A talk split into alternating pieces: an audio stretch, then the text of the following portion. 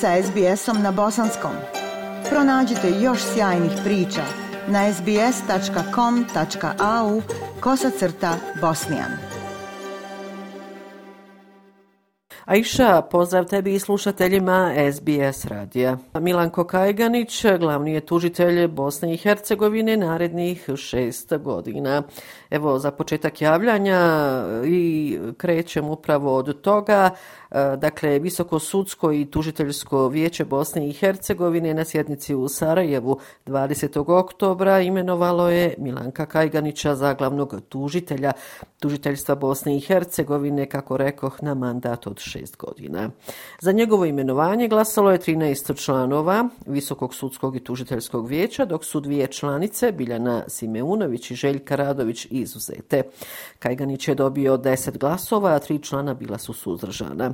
On je, podsjetiću, bio jedini kandidat s obzirom na to da je Dijana Kajmaković, koja je bila prijavljena, teško kompromitirana zbog predmeta Sky, te je ispala iz utrke. Na kraju je dospjela i na crnu listu Sjedinjenih američkih država. E, prije samog imenovanja Aisha Kajganić je izložio program rada i, kako je kazao, u prvom planu su predmeti ratnih zločina. Kajganić je također rekao kako će u fokusu njegovog rada biti i borba protiv organizovanog kriminala, te je najavio podizanje optužnica do kraja ove godine.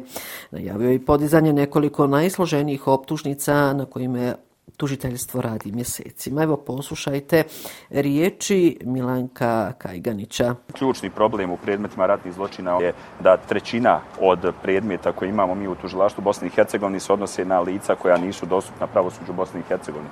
Moramo naći način zajedno sa mehanizmom međunarodnog tribunala i zajedno sa kontaktima zemalja regije na koji način da te predmete, odnosno bar dokaze u tim predmetima prenesemo tim zemljama, jer nema izgleda da ti predmeti, odnosno ta lica budu procesuirana u Bosni i Hercegovini. Drugi dio fokusa rada tužilaštva Bosne i Hercegovine je borba protiv organizovanog kriminala, odnosno postupanje u predmetima u kojima već radimo i u kojima postupa tim tužilaca u predmetima koji su proistekli iz eh, dešifrovanja kriptovanih aplikacija. Mi ćemo nastaviti i dalje rad eh, na tim predmetima i to je u fokusu tužilaštva i svi kapaciteti tužilaštva su u potpunosti usmjereni ka tom cilju. Ja sam najavio e, do kraja godine podizanje nekoliko značajnih optužnica, do sada najsluženijih optužnica e, u Bosni i Hercegovini koji se odnose na borbu protiv organizovanog kriminala. E, predsjednik Visokog sudskog i tužiteljskog vijeća Bosne i Hercegovine Halila Gumđija e, kazao je također novinarima nakon ove sjednice Visokog sudskog i tužiteljskog vijeća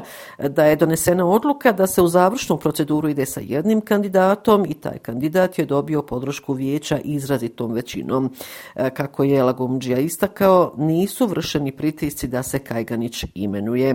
E, poslušajte i Halila Lagumđiju, predsjednika Visokog sudskog i tužiteljskog vijeća Bosne i Hercegovine. Kad je donijeta finalna odluka da se u završni dio konkursne procedure ide sa jednim kandidatom, nakon što je kandidat Janjić povukao svoju prijavu, a koleginica Kajmaković, e, evo da kažem, e, nije prošla test integriteta na, na, na podvijeću.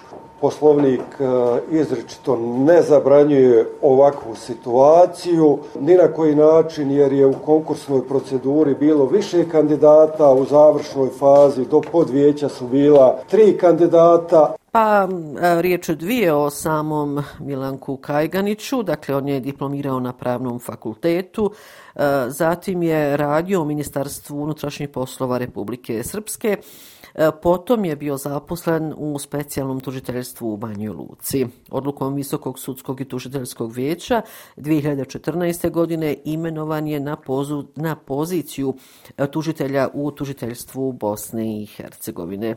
Pa iša dok u mnogobrojnim državama rezultati izbora budu poznati već u izbornoj noći, e, Bosna i Hercegovina i dalje prebrojava glasove nakon zatvaranja birališta 2. oktobra.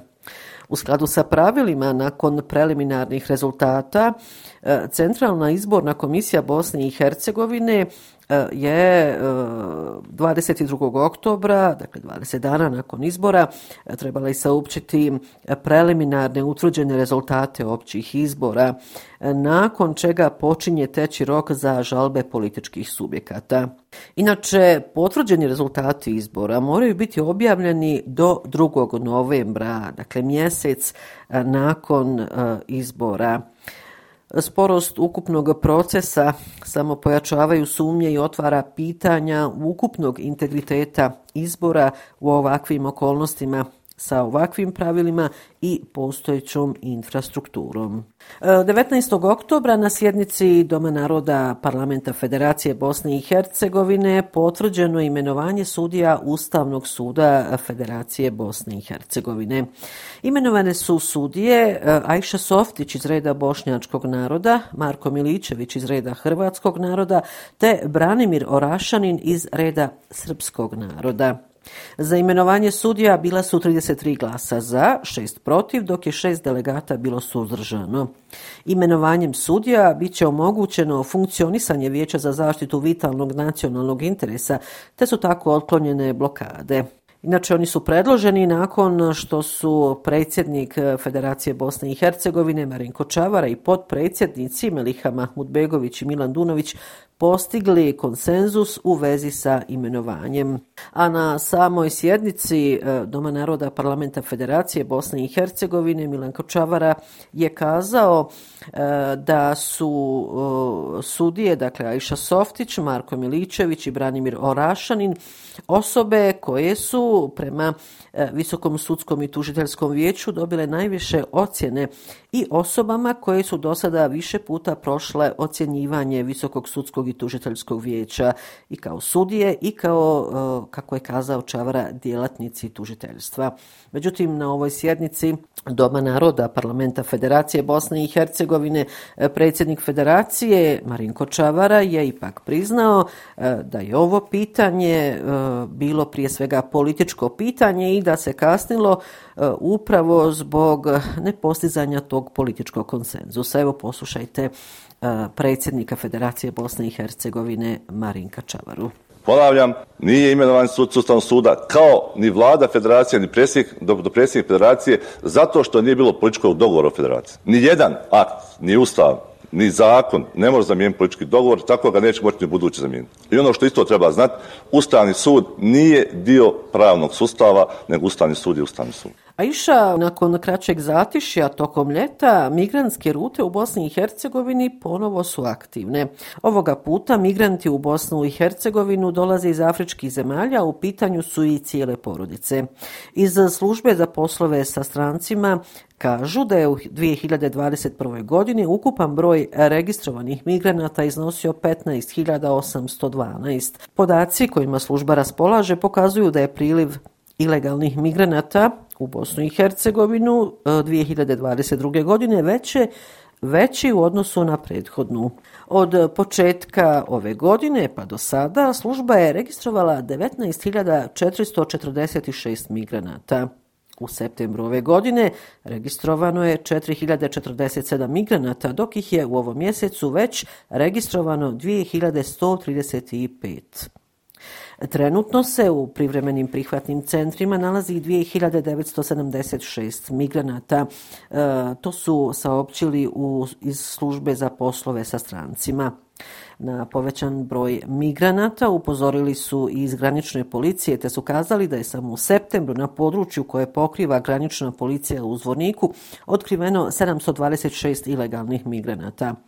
Inače, ovaj dio Bosne i Hercegovine je trenutno pod najvećim pritiskom migranata. Eto, iša toliko ovoga puta sa informacijama iz Bosne i Hercegovine. E, za kraj vas još jednom pozdravlja e, iz Sarajeva Semra Duranović-Koso.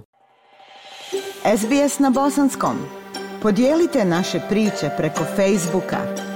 Želite poslušati još ovakvih priča? Slušajte preko Apple podcasta, Google podcasta, Spotify ili kako god da primate svoje podcastove.